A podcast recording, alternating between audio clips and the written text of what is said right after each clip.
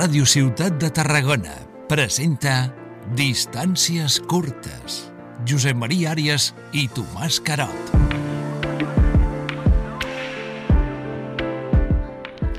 Benvingudes i benvinguts a Distàncies curtes, l'espai de Ràdio Ciutat de Tarragona per conversar pausadament amb els nostres convidats i convidades.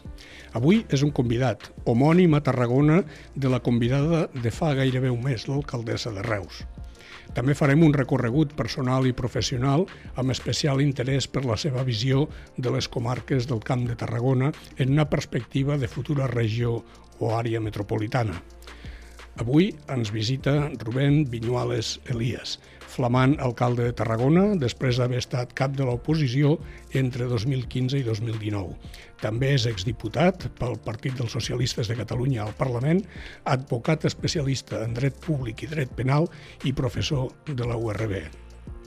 Rubén, què tal? Molt bon dia.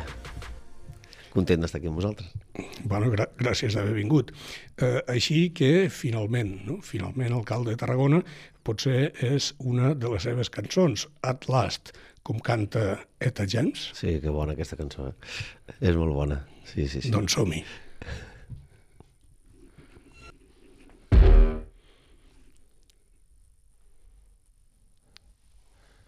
At Last la ficaran.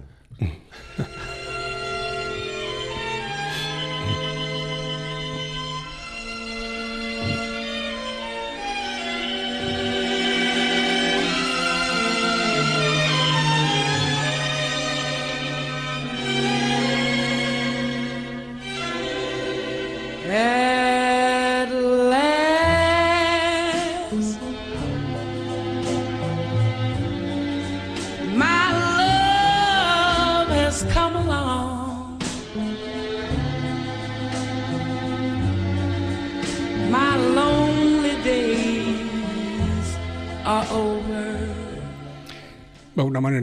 relaxada de començar eh, la conversa, que és el que pretenem en aquest espai. Aviat farà tres anys, el 29 de desembre del 2020, que va comunicar la presidenta de Ciutadans, Inés Arrimadas, la seva dimissió com a regidor de Ciutadans a l'Ajuntament de Tarragona, donant-se de baixa del partit després de vuit anys de militància. El motiu van ser les discrepàncies amb l'executiva nacional. Quines van ser o quin va ser el miracle que el va fer caure del cavall, com a Sant Pau? Com la majoria de coses importants a la vida no, no són de cop, no? Són processos que es van conformant a poc a poc. Jo ho he explicat moltes vegades, no? A mi sempre ja em deien el rojillo dintre de Ciutadans. També és cert que el 2012, eh, fins i tot per estatuts, era, era socialdemòcrata i centre-esquerra, no? Posava per estatuts, o sigui que tampoc, no sé qui es va equivocar, potser no, no era jo, no? Però sí que és veritat que és un tema que eh, a la vida has de saber arribar, però també has de saber marxar, no? Jo mai tindré paraules dolentes pels meus excompanys i companyes, està ple de bones persones. L'únic que va tenir uns canvis tan, tan notoris que jo, òbviament, jo tenia una, un encaix impossible allà, no? I si és veritat que, bueno, jo volia defensar una idea socialdemòcrata de la, de la vida, no? de, la, de la societat, i el PSC, òbviament, és, és aquesta opció, no? I, i s'ha demostrat, de fet, amb, els, amb aquests últims anys on era la, la decisió correcta, no per mi, sinó per la societat, no? I la majoria de catalans i catalanes en les últimes autonòmiques i, i també les últimes eleccions de tot tipus, doncs s'ha demostrat que la majoria creu que és així. El cas de, de Ciutadans il·lustra el que per mi és fascinant, que és la volubilitat del vot de la gent, no? Mm. És a dir, el fenomen de Ciutadans, que no és l'únic, però potser és el més recent, n'hi ha hagut altres. El cas de, si ens remuntem a la prehistòria, el cas de UCD, sí. que va evolucionar en altres formacions, o el cas de UPyD, que va acabar sent marginal, però el nivell d'implantació que va arribar a tenir Ciutadans, i en el cas de Catalunya, que va arribar a ser la primera força política, jo no sé com s'observa quan un es dedica a la política aquesta, aquesta no m'atreveixo a dir, aquesta fragilitat, no? aquesta capacitat perquè en pocs anys el suport que ha tret un partit desaparegui. Doncs sí, jo sempre dic que segurament s'estudiarà no? molt eh, aquest, aquest cas i, i d'altres amb, amb la ciència política. També jo crec que és fruit de l'època. eh, que, que vivim. És fruit d'aquesta etapa que tot és molt voluble, però si et fixes, també és cert que els grans partits no, eh, es mantenen. Encara que hi hagi moments no, eh, complicats, eh, s'acaben mantenint, perquè és molt semblant no, la teoria del mar no, de George Lakoff, no, amb aquesta idea de eh, conservadors i progressistes. No? A vegades és, és bastant cert no? que l'ésser humà no, es divideix amb aquesta mentalitat, no sempre defensant els seus propis interessos, no? com, diu, com diu aquesta teoria no? de George Lakoff. Així que mm, és curiós, és curiós, però també és fruit d'aquesta volubilitat i, i si em permets també una opinió anant a un àmbit ja no supramunicipal, sinó supra, supraestatal, ja veiem el que està passant al món. No? Fixeu-vos ara el cas més recent a Argentina. Doncs uh, això està passant, no? I va sortir ja i va dir que anirà contra els interessos de moltíssima gent, per exemple, que va votar no? el senyor, el senyor Milei. I tot i així l'han votat. No? És, han tingut antecedents, però hem tingut avisos. El que passa que la, mm. la condició humana és, és molt tossuda sí. de mena, no? perquè hem tingut sí, ja exemples amb el Trump, hem tingut exemples amb Berlusconi, potser el clàssic eh, sí. fenomen en el cas d'Europa, de, Le Pen. També. Le Pen, que per mi va ser el primer, no? el, el pare de l'actual. La, no? Uh, aquí va ser la primera vegada on vam veure no, que aquest fantasma de l'ultradreta doncs, podia, podia existir a una societat com l'europea, on sempre creiem que després de la Segona Guerra Mundial havíem après unes lliçons que no es tornarien a repetir. No? I aquest revisionisme, moltes vegades, de la pròpia història, amb negacions d'obvietats, eh, que també Argentina ho ha fet, per exemple, amb la dictadura militar, el senyor Milei, doncs és curiós. I el pitjor de tot, que és el que més m'espanta, és que els joves els hi compren. Eh? Això és el que a mi m'ha sorprèn moltíssim l'ultradreta té, té un suport ampli en una part de la joventut. Qui ho diria, no? Que sempre deia no, que als 20 anys has de ser comunista no? i als 40 més conservador, doncs sembla que no. Sembla que no. Potser és el moment de capgirar la història i un exemple pot ser el mateix eh, convidat d'avui en qui estem parlant, uh -huh. eh, perquè d'alguna manera l'ascens mm, polític ha estat una mica meteòric, no? El 25 de gener del 2021 es va afiliar al partit. El 6 de juny, Salvador Illa, que va crear eh, el govern alternatiu de Catalunya, va posar Rubén Viñuales com a conseller de Justícia. -huh. I, el, I el 20 de maig del 2022 mm, l'Assemblea de l'Agrupació Socialista de Tarragona el va triar com a eh, cap de llista per a les eleccions de Tarragona. D'alguna manera és, tal com diu en el seu escrit de presentació en el web de l'alcaldia, que tot s'ha fet en esforç, no?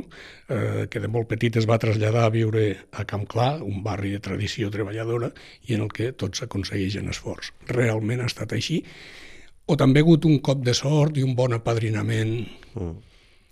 El meu pare, eh, que és un home molt savi, sempre em diu que a la vida cal un 95% d'esforç i un 5% de sort.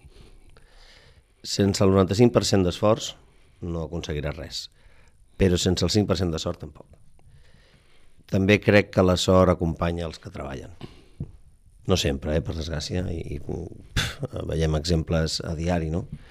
Jo com a advocat ho he vist, no? Gent que s'esforça, s'esforça, s'esforça i no ho aconsegueix, no?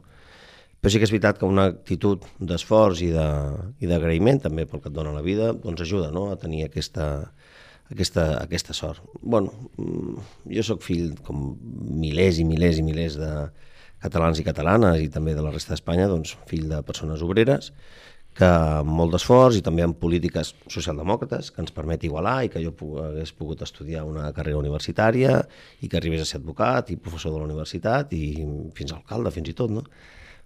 no en altres situacions o en altres eh, models, eh, és impossible que un noi de Camp Clar arribi a alcalde.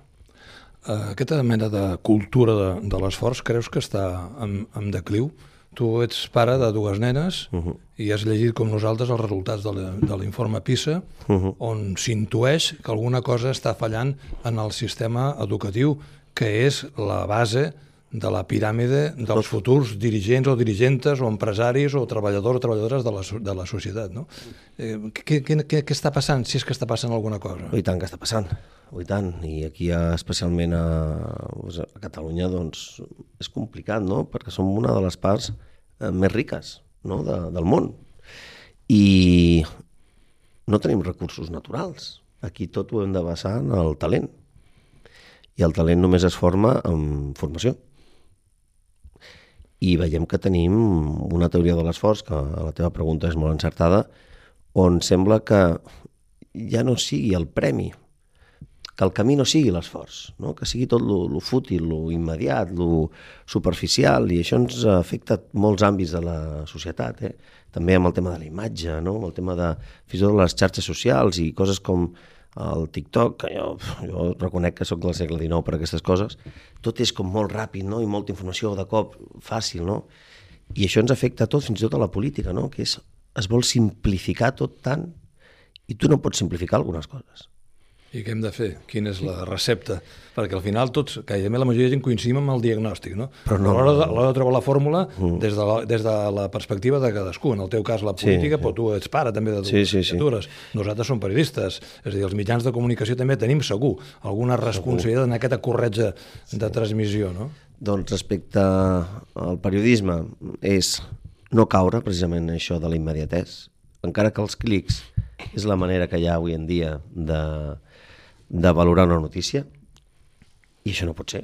Contestar la informació, explicar de manera elaborada allò que és complexa, no passa res si hem de perdre una hora en llegir una, un text per tal de comprendre, entendre algun, algun tema.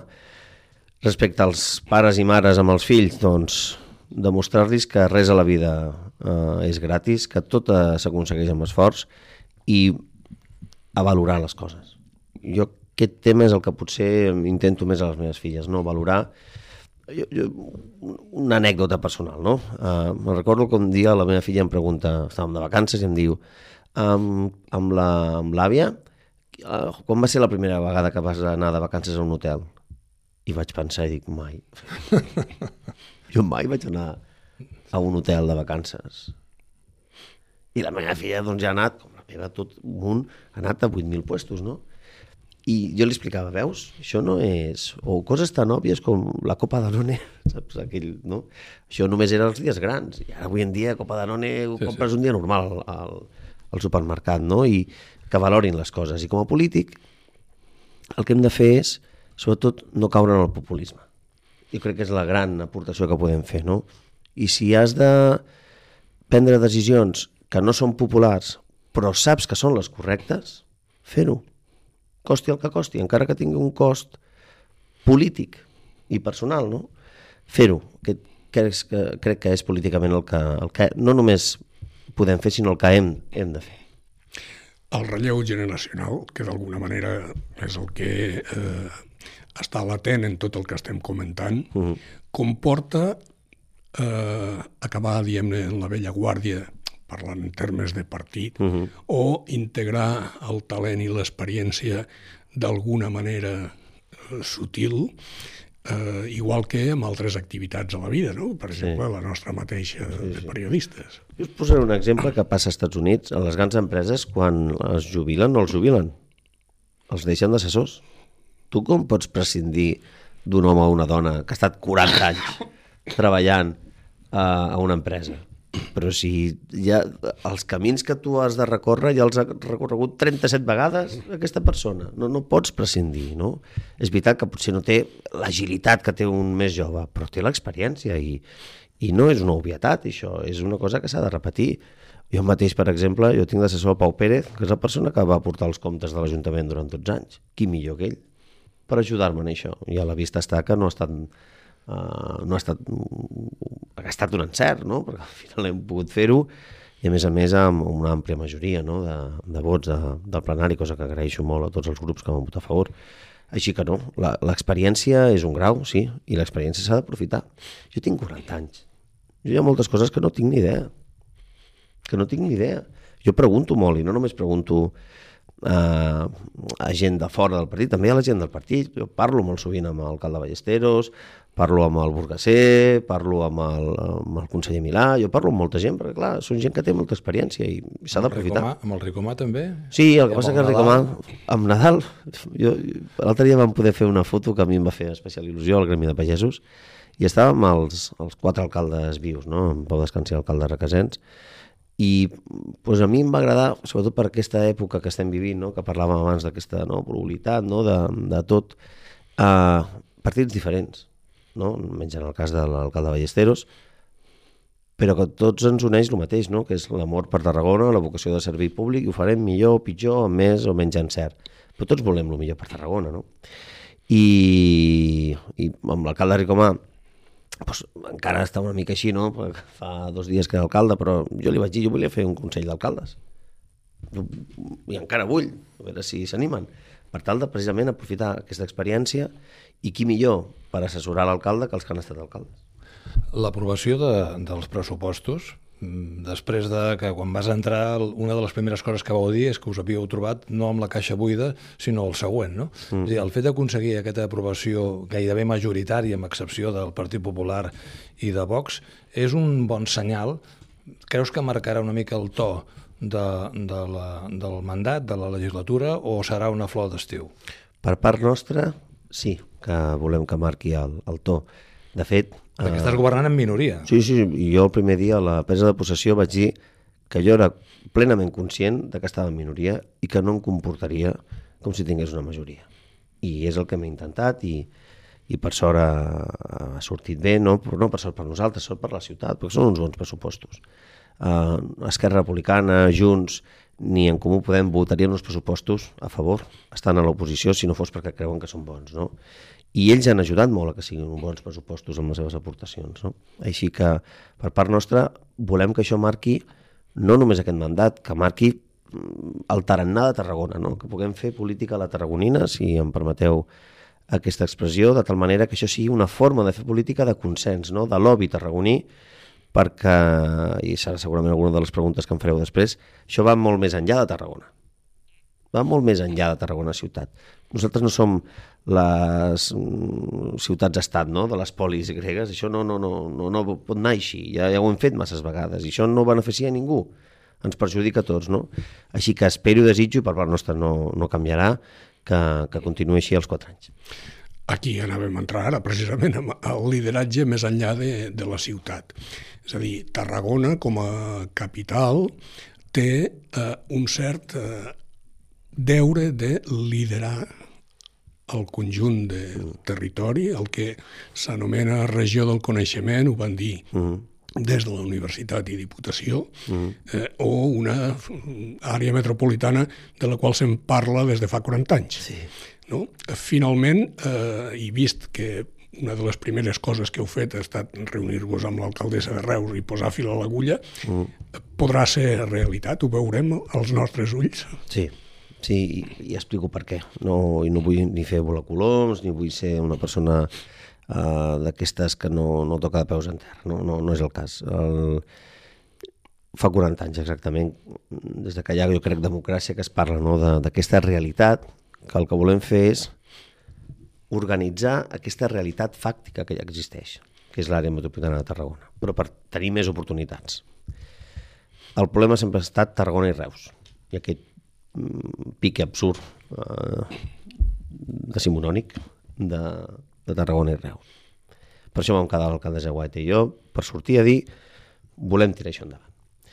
Hem avançat molt. Hem quedat amb alcaldes i alcaldesses del que ha de ser el grup impulsor. Uh, tenim un document ja científic de si és pertinent o no l'àrea metropolitana, en quins àmbits i com començar a fer-ho per comissions de treball. Volem a començaments d'any presentar ja aquesta creació d'aquest grup impulsor, que són els municipis que poden imaginar, més Valls. I per què Valls? Perquè Valls és veritat que no té una connexió territorial, geogràfica, però té una connexió econòmica absoluta. I a més a més representa un entorn, una alcaldia molt important, amb una alcaldessa de Junts, que això també és molt important, perquè no sembli que això és un invent socialista, no és el que volem, jo estic ara d'alcalde, però potser d'aquí uns anys, però que molts, hi hagi un altre partit. I l'àrea metropolitana continuarà i ha de continuar existint. Tenim, ja li dic, de tots els colors, no? I això ens ha de permetre començar com si fos el tractat de la CECA, no?, per a la Unió Europea, eh, que crec que ha de ser el transport i l'energia. No té cap sentit com està plantejat el transport eh, aquí al Camp de Tarragona. I L'energia tampoc. Ara tots estem fent les nostres empreses energètiques municipals. Quin sentit té això? Que la canonja faci una i una altra. Quan el reglament parla de aquestes comunitats energètiques amb un radi de fins a dos quilòmetres. No? El que hem de fer és anar, primer intentar modificar això, que arribi fins als mínim 20, com fan altres països, no? Però anar ajuntant aquests cercles, no? de tal manera que plantegem amb un concepte metropolità, amb una perspectiva més àmplia, les polítiques a fer. I això ha de ser sí o sí, perquè si no, no tenim futur. Tarragona sola no és ningú, Reus sola no és ningú. L'àrea metropolitana junta som ja un pes específic. El que passa és que se li gira feina, eh? perquè Molt, justament eh, l'evolució que hi ha hagut entre aquesta visió de guerres de campanar, fa uns quants anys es va començar a parlar de sistema de ciutats i per tant hi havia una voluntat mm. de col·laboració a passar a una integració, a, comp a compartir. Si repasséssim la maroteca trobaríem declaracions de polítics amb càrrecs i sense càrrecs de tots els partits, mm. no només del seu partit, sinó també de, de l'antiga Convergència sí. o, o d'Esquerra Republicana o del Partit Popular, que mm, semblava que miressin enrere. Yeah. I això ho lligo una mica amb el comentari que feia abans el Tomàs d'una una necessitat d'un seu, cert, si no relleu generacional vital, mm. sí relleu generacional amb la visió, no? Filosòfic. El, Josep Poblet, eh, en la primera entrevista d'aquest eh, programa, deia que sí, però que no caiguem amb l'error de mimetitzar-nos amb l'àrea metropolitana de Barcelona, que és una altra realitat. I per tant el que hem de fer és saber exactament, mm. i per això a mi, a mi em dóna satisfacció que mm. parleu de transport i d'energia. El transport que és una cosa vital. És a dir, que, la, la guerra d'empreses municipals, les limitacions, és, és, és i, la, I la concessió de la Generalitat, que acaba el 2028. Per això ara és el moment de treballar en això. Bé, hi, ha, hi ha una cosa que, de fet, de facto ja existeix i que potser caldria potenciar, s'està en el camí i divulgar-ho perquè també és un aspecte molt essencial a tots els municipis. És la gestió dels residus. Uh -huh. Hi ha una mancomunitat que a més s'està ampliant a través dels consells, no? un uh -huh. acord marc. Uh -huh. eh, clar, els residus, en definitiva, és un problema municipal, però que és un problema global. Total. No? Per tant, eh, això pot ser la primera cosa que el ciutadà vegi que és en benefici propi que una autoritat eh, supramunicipal, diguem-ho així, pot tenir efectes positius. Sí, el que passa que hi ha, hi ha dos àmbits on ja tenim una certa visió metropolitana. És el Consorci d'Aigües de Tarragona, el CAT, i l'altre és eh, Cirusa i la Mancomunitat. La Mancomunitat, que ja conforma molts municipis, eh, i és veritat que ja tenim, en aquest cas jo soc el president de la Mancomunitat i de Cirusa és l'alcaldessa la, Guaita de Reus, ja s'està treballant perquè no sigui una incineradora, sinó una planta de valorització energètica, és a dir, que puguem, no només cremem, no? sinó que generem energia. No només això, sinó que amb la fracció orgànica la nostra idea és generar biogàs. Biogàs que podem utilitzar, per exemple, pels nostres autobusos, entre altres coses, no? Ja existeix aquesta realitat, el que hem de fer és anar més enllà, és a dir, podem pensar en clau energètica amb els nostres residus, eh, com juga la futura ecoplanta, si s'acaba fent, espero que Repsol replantegi aquesta aturada o aquest pols, que crec que no porta res beneficiós, aquesta ecoplanta que volen fer, no? i que amb la fracció que ja no pots fer res més, no? de reciclatge, generar aquest, no? aquest uh, gas sintètic, que després pot ser no? uh, aquest metanol que utilitza la pròpia uh, indústria. Que, que, com podem plantejar tot això? No?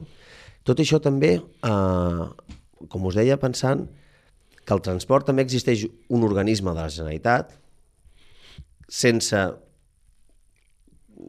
sense una dotació de competències reals, que potser el que hem de fer és dotar-la de competències. El que tenim clar amb l'àrea metropolitana de Tarragona és que no volem copiar l'AMB, perquè no volem generar un nou ens administratiu. No volem generar una nova capa administrativa perquè no és el camí. El que hem de fer és mancomunar, que és el terme, realment és la paraula clau, per generar aquests beneficis que tu deies a la teva pregunta, que es noti en millores en la qualitat de vida i també econòmics, com no, per economies d'escala. No? Així que mm, els residus, que és el gran repte que tenim com a societat, crec que aquí anem bé, crec que aquí anem bé, però li hem de donar encara un salt qualitatiu, és a dir, generem energia amb els nostres residus. Els nostres residus són un teixit productiu, no és brossa. I a més a més ens hi va el futur, eh? Pensin que aquí sempre es vol copiar el model de Dinamarca i Dinamarca no té incineradores ni, ni, ni té abocadors. També tenen una consciència cívica amb a l'hora de fer la recollida selectiva Sí, molt de- abans, de molt molt, evolucionada. Bueno, Di- Dinamarca el, el que té són dos abocadors Sí. i, i 20 incineradores. I nosaltres a l'inversa. Exacte. I nosaltres a l'inversa. I de fet, els estudi, l'últim estudi que hi ha sobre gasos d'efecte hivernacle, el major generador dintre dels residus són els, els abocadors. Són els abocadors. Així que sabem quin és el model que funciona, doncs intentem copiar el que funciona, no? Uh, fins ara hem parlat amb el Rubén Viñuales més polític i de temes molt transcendents. Deixem la porta oberta perquè la conversa és una conversa, una conversa molt flexible, però també ens agradaria, m'agradaria parlar també amb el Rubén Viñuales persona. Sé que t'agrada el futbol sala. No sé si, sí. si continues fent patxangues amb els teus amics o no tens temps. bueno, jo sempre he jugat, ara estem jugant a futbol 7, això si veuen aquesta entrevista als companys de, del grup de futbol 7 i els hi dic que vaig a jugar, es connectarien en directe per dir que fa 5 mesos que no vaig. I és veritat, ara fa, des de que estic d'alcalde no, no vaig i, i ho trobo molt a faltar. I també ets culer. Sí, I per tant la pregunta és òbvia. Què, què, què, què coi està passant amb el Barça? Ara ens haurem de fer tots el Girona mm, o, o, haurem de, o haurem de posar tot a, tots els ciris perquè el Nàstic torni a, a, a, a, el, primera. nà- el nàstic és curiós perquè et fa patir molt però també et dona moltes alegries, no? Per exemple, aquest últim partit, l'últim sospir no, allà que marqui, doncs te dona molt... eh, Aquesta cosa només t'ho pot fer el nàstic, no? Però el Barça, és que el Barça fa anys que perdre a Messi, encara que no estigués ja Messi en els seus millors moments, tot i que jo crec que Messi, encara que jugués de central, ho faria bé. Eh? Eh, és, un, és un xoc, o sigui, és, és com és un procés de dol que encara no hem superat, no? I que hem d'entendre que no hi haurà un altre Messi. No el tindrà, I si n'hi ha, és molt poc probable que el tinguem a, al Barça, no? perquè és així, hi ha un paio d'aquestos cada, cada 50 anys. Però no sé què li passa, però crec que li fa falta, opinió meva, eh? un, un tio d'aquestos... No és molt bo, però... Luis, Luis Enrique a la, Però el la camp, el banqueta camp, i no, el... el Xavi és un bon... És Xavi Hernández, o sigui, és un paio que tu el veus entrenador i, i ja fas el que et digui, no? Però un tio al camp d'aquestos que potser no és molt bo, però que... que és dur que és dur, no? I que agafa els pallos i els diu... Piqué ho feia una mica, per exemple, no? Quan estava... O... Ara no en tenim ningú així. Qui, qui és el líder de, del Barça ara al camp? Pues aquí tens potser un dels temes, no? Parlant dels aspectes més eh, personals, les aficions musicals, per exemple, què triaries entre Coco Loco o Làgrimes Negres? Eh, Núria Bea, què ha passat aquí? No res. Pues m'agraden totes dues. això No, jo, això, amb la música, jo reconec que si agafes el meu Spotify i fa por, eh? perquè pot haver des de... Ets eclèctic. Total, m'encanta. La bona música no, no pot ser només d'un registre, és que no... no... Per què t'has de Estic tancar? d'acord, estic d'acord. Jo al meu Spotify tinc des de Otis Redding, Eta James, no? Uh, Elmore James, que m'agrada molt també, uh, però tinc Rocío Jurado també, o Coco Loco de Maluma, sí, que és molt bona. ¿Cuál será la magia que su cuerpo esconde? ¿Será Es un temazo, si ¿eh? de pronto responde? Decirle la verdad no me hace menos hombre. El no tenerte desespera y las ganas que tengo ya no se esperan. Abre la puerta, estoy afuera porque sé que adentro es donde tú Amb les últimes tendències musicals, aquest imperi de, de, del reggaeton ha obert un debat amb el paper de la dona. Jo no sé si tu observes amb una especial preocupació, no tant perquè ets alcalde, sinó perquè ets pare de, de dues nenes, eh, són, Sí. són petites, I però de ben aviat arribaran a l'adolescència, no? Bueno, la, la gran que té 8 anys, jo li dic que és una preadolescent ja, eh? ja, ja em té fregit.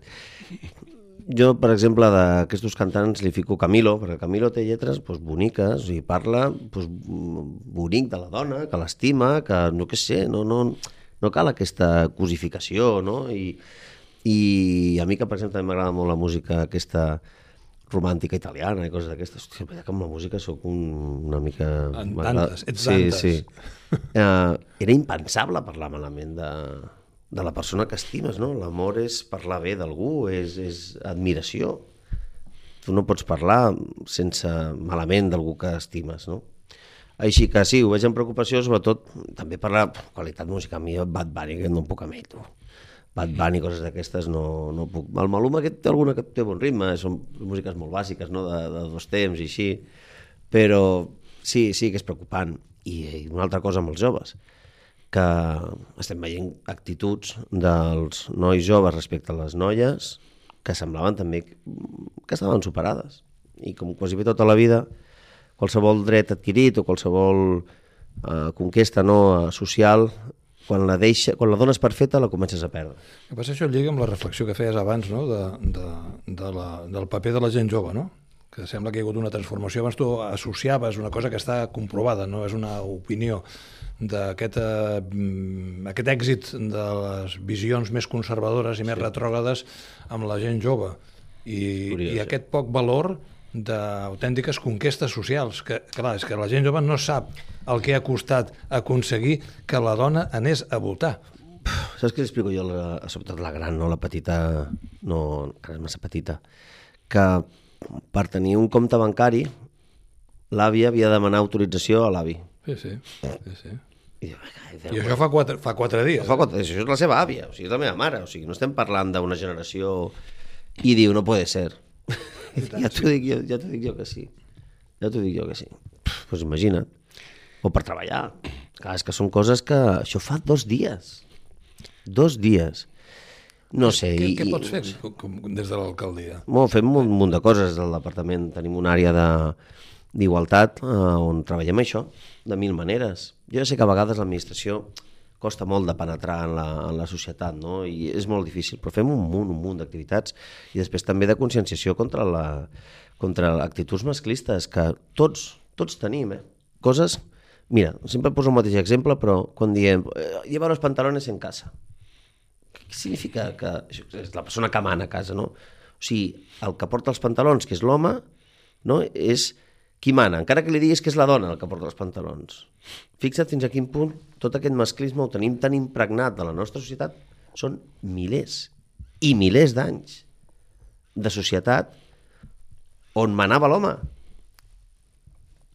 Tu creus que en dos dies això desapareix i tots ja per art de màgia ja ens hem tornat absolutament eh, defensors de la igualtat? No, tenim actituds que no ens adonem i que potser no ho fem a males, eh? però que hem de tenir hem de tenir cura i respecte i sobretot molta, molta sensibilitat cap a, cap a les dones que no són un col·lectiu, són més de la meitat de la societat que històricament, i encara passa per desgràcia, a la immensa part del món, la immensa majoria del món, tenen vulnerats constantment els seus drets, constantment per ser dones. No creus que llegim poc? Tu que ets un amant de, de, de la història de Sí. Roma i de, i En de, general. i de, i de la Segona Guerra Mundial, Tot el que va, Eh, faci més de 200 anys m'agrada a mi. Sí, però tu no creus que ja tenim un dèficit quan es parla de l'informe, els informes PISA o d'altres de la dificultat de comprensió lectora, això tot és, és un poti-poti letal, no? És a dir, no hi ha informació, no hi ha perspectiva, no hi ha memòria i per tant es viu el dia i tenim una indústria que està fomentant el consum desaforat, sense, sense convidar a la reflexió. Tu el que has de fer és escoltar aquesta música, tu el que has de fer és comprar aquest mòbil, tu el que has de fer és... I, i mira, fixa't amb els... Perdona que parli molt dels nens, no? però mm, jo tinc la, la canalla en una edat petita i, i aprens molt, no? Sempre estan, si estan un minut sense fer res, dicen, m'avorro. I jo els dic, i què? Saps el ple, quan siguis més gran trobaràs el ple d'avorrir-te. Però no només això. Li dic, si no t'avorreixes, no pots pensar. Perquè si sempre estàs distreta, no tens temps de reflexionar. Si sempre estàs fent alguna cosa, quan reflexiones? Descartes va fer la seva obra al llit, estava sempre malalt. La majoria de l'obra la va fer al llit. T'has d'avorrir a la vida per reflexionar, per tenir temps per tu mateix i per conèixer-te tu mateix. T'ho dic jo, que no tinc massa temps ara d'això també, però sí que has d'intentar buscar aquests espais. I la nostra societat no va cap aquí. I la intel·ligència artificial, tot això que eh, no és que se'ns acosta a ser vecina, sinó que ja és aquí Ui, i d'alguna manera hem d'integrar-ho, conviure, frenar-ho. I regular-ho, que nosaltres a nivell... Bueno, Europa és és primer la que ha primera. fet una regulació, però diu, fins d'aquí dos anys no s'aplicarà i Clar, haurà has de- superat tot. No? I ja estarà obsoleta quan s'hagi d'aplicar. Sí. Per, per tant, és més l'actitud personal envers totes aquestes qüestions, no? com parlaves al principi, TikToks... I l'actitud personal la pots eh, modular en base a l'educació que has tingut i no anem bé d'educació. Així que ens ve un panorama complicat. Crec que a nivell, a nivell familiar doncs, hem d'ajudar també, no? no podem extrapolar tota la responsabilitat als centres escolars, això, els coneixements els han d'adquirir allà, però els valors que també els centres escolars han de... Per, per això l'educació pública no és tan important, perquè hi ha uns valors democràtics que intentes no, que es vagin irradiant no, a, la, a la societat, però crec que aquí els pares i mares doncs, eh, hem d'intentar doncs, parlar molt, no? Però també fan falta potser lideratges valents, no? Ara, aquests dies, amb aquesta cimera mediambiental, a mi m'han fet, a mi m'ha fet vergonya, sincerament, he sentit ver- vergonya aliena de sí però no. És a dir, tenim un problema, però la solució no l'aplica- l'aplica- l'aplicarem en còmodos plazos. Ja. Quan el problema és un problema imminent ja. No, no, el problema falta ja- política valenta, falta lideratges valents, arriscats, com apuntaves tu abans, fins i tot que puguin ratllar amb lo impopular, fins i tot que t'arrisquis a que... És que no tornem a votar, i què? És, però he fet el correcte. Mira, eh, qui ha de liderar això són els, les grans potències, no? I Xina és, la, és el primer país del món en la instal·lació de renovables. Jo els diria, a aquests països, si tingués op- l'oportunitat de parlar amb l'Índia, no? que és un gran contaminant, eh, escolti, si ho fa Xina, no creu que potser és perquè val la pena? Xina és el primer país del món en instal·lació de renovables. Per alguna cosa serà. Catalunya no anem bé, per cert, en aquest tema. Portem una dècada complicadeta amb això, eh? I aquí sí que, com a vicepresident de la Diputació, intentarem parlar amb els pobles per fer-los veure que tots, tots hem d'assumir la nostra quota de renovables. A mi m'agradaria no veure la muntanya amb molins, sí, però prefereixo els molins a que em passi una línia de molta alta tensió per tot el territori. Eh? Això ho prefereixo. I jo prefereixo ser autosuficient energèticament o aproximar-me a no que els monegros estiguin plegats de plaques fotovoltaiques i em creui, com us deia, una línia de molta alta tensió. No? Així que lideratges sí, però... I una certa resistència a aquesta tendència al bonisme, no? perquè sempre hi ha algun col·lectiu que no hi està d'acord. Ho hem vist també amb una, amb una aposta que és controvertida com és la de Hard Rock, no? Sí, És a dir, un projecte que algú ho ha satanitzat i, I ja sembla i això són pedres Jo- al, al camí, no? El Hard Rock, que no, no afecta el nostre terme municipal, però sí que afecta d'una manera directa o indirecta no, al, al nostre territori, és un projecte que s'ha s'ha transformat molt. O sigui, hi ha un casino, aquí a Tarragona tenim un casino a un hotel, no? i no és Sodoma i Gomorra tampoc, eh? Allò, o sigui, un casino i ja està, no? Allà hi haurà un casino, hi haurà més hotels, serà més semblant a la Roca Village, que de fet són els mateixos, um, que no a, a Las Vegas, no? com volen fer veure. No sé, eh, més que bonisme és la por. Els polítics tenen por. Per por a perdre les eleccions, Por. por a, a, a, al titular del diari o de la Por. notícia de la ràdio, Por a tot. El polític té por. Assignar una cosa que no sap mm, quina li portarà al jutjat. Tu ho signes i tu creus, doncs, si està tots els informes favorables, i de sobte, no, passa alguna cosa, tens por d'això. Tens por a prendre decisions perquè sortirà una plataforma de potser de quatre persones que anirà a un mitjà de comunicació que li comprarà el relat i ho publicarà en primera plana com si allò fos que hi ha la gran oposició al projecte que sigui. No? Uh, por a, a, a prendre decisions perquè la mateixa burocràcia s'ha fet d'una manera on tu qualsevol cosa et pot generar un problema. No? I així no es pot fer política. No es pot viure amb por. directament. Per, per tant, potser el lideratge cal també eh, obrir-lo en aquesta perspectiva de futur cap a eh, nous perfils, és a dir, enginyers informàtics, eh, bioquímics, mm. eh, científics, en definitiva, juntament amb polítics, que són els que estan fent avançar la societat, mm. no? en els aspectes positius, Sí, sí. no mercantilistes. Bueno, jo sempre dic que no cal ser mecànic per saber que un Ferrari és un bon cotxe. En aquest cas jo no sóc eh, informàtic ni matemàtic, però sé veure que la intel·ligència artificial ens pot anar molt bé per molts processos i estem treballant, de fet. Tenim un gran cap de, de TIC a, a, a l'Ajuntament de Tarragona, al PEPUDI, i treballem molt per agilitzar i modernitzar molts processos, molts, des de l'autoliquidació, no?, de tema fiscal, o els tràmits que pots fer telemàticament, no? I estem treballant de manera mm, insistent i posant molts diners, eh? Molts, molts diners, eh? Perquè sabem que això ajudarà a millorar la vida de la gent, no? Perquè sigui més fàcil. Que l'administració no sigui tan romana com encara és i que sigui una mica més eh, presbiterana, no? si em permets, home, aquest concepte luterano de ajuda'm no? i no em fiquis masses problemes i, i així tot funciona millor. Rubén Viñuales, vol, bo. Rubén Viñuales eh, vol convertir-se en el Romario o l'Stoikov de, la, de la política, no només a Tarragona, sinó al territori i fins i tot a, al país? Mm, pf, jo li dic a la, a la meva filla que no hay hombre más, más libre que el que no tiene rey ni súbditos. I jo això ho veig com una... Que buen vasallo si tuviera buen senyor. Exacte. Que a vegades falten Sí. els senyors. Jo em dedico a això de manera temporal, jo sóc advocat, és com eh, m'he guanyat sempre la vida. Mm, tu no, no pots estar en aquesta primera línia com estàs com a alcalde de Tarragona, tu no pots estar eternament perquè no és bo ni per tu ni per la gent. Has d'estar els anys que tu veus que pots donar-ho tot, no? que, que tens il·lusió, que això és molt important. Parlàvem abans, no? Eh, fora de micro, de, de Poblet, no? per exemple. Poblet va estar 20 i pico anys. Però el tio tenia il·lusió i va fer un munt de coses, no? i tenia projectes i, i la gent el, és innegable que li donava suport majoritari. No? Tu, tu ho notes, això, quan... Jo no vull ser ni Romario ni Stoikov. Stoikov m'encantava, eh? però sense trepitjar l'àrbitre ja, ja, al ja. peu, això no, no, no va amb mi, no?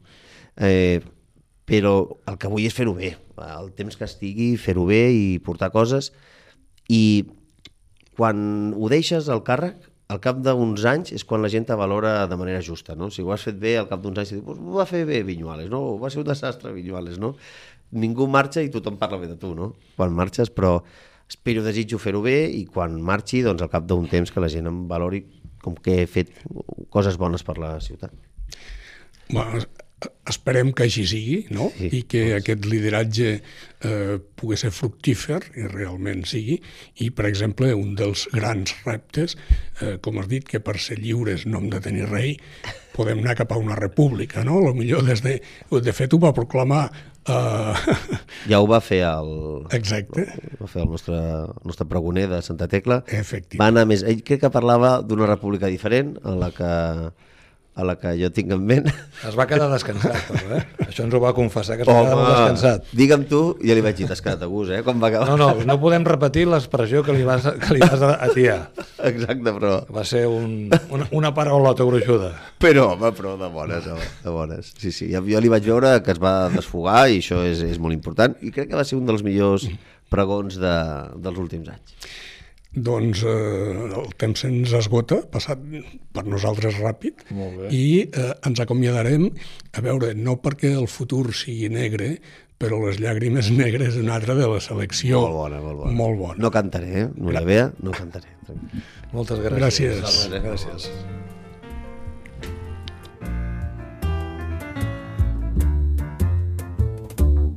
Y aunque tú me echado en el abandono, y aunque tú has muerto mis ilusiones, en vez de maldecirte con justo encono, y en mis sueños te como, y en mis sueños te como de bendiciones. Sufro la inmensa pena de tu extravío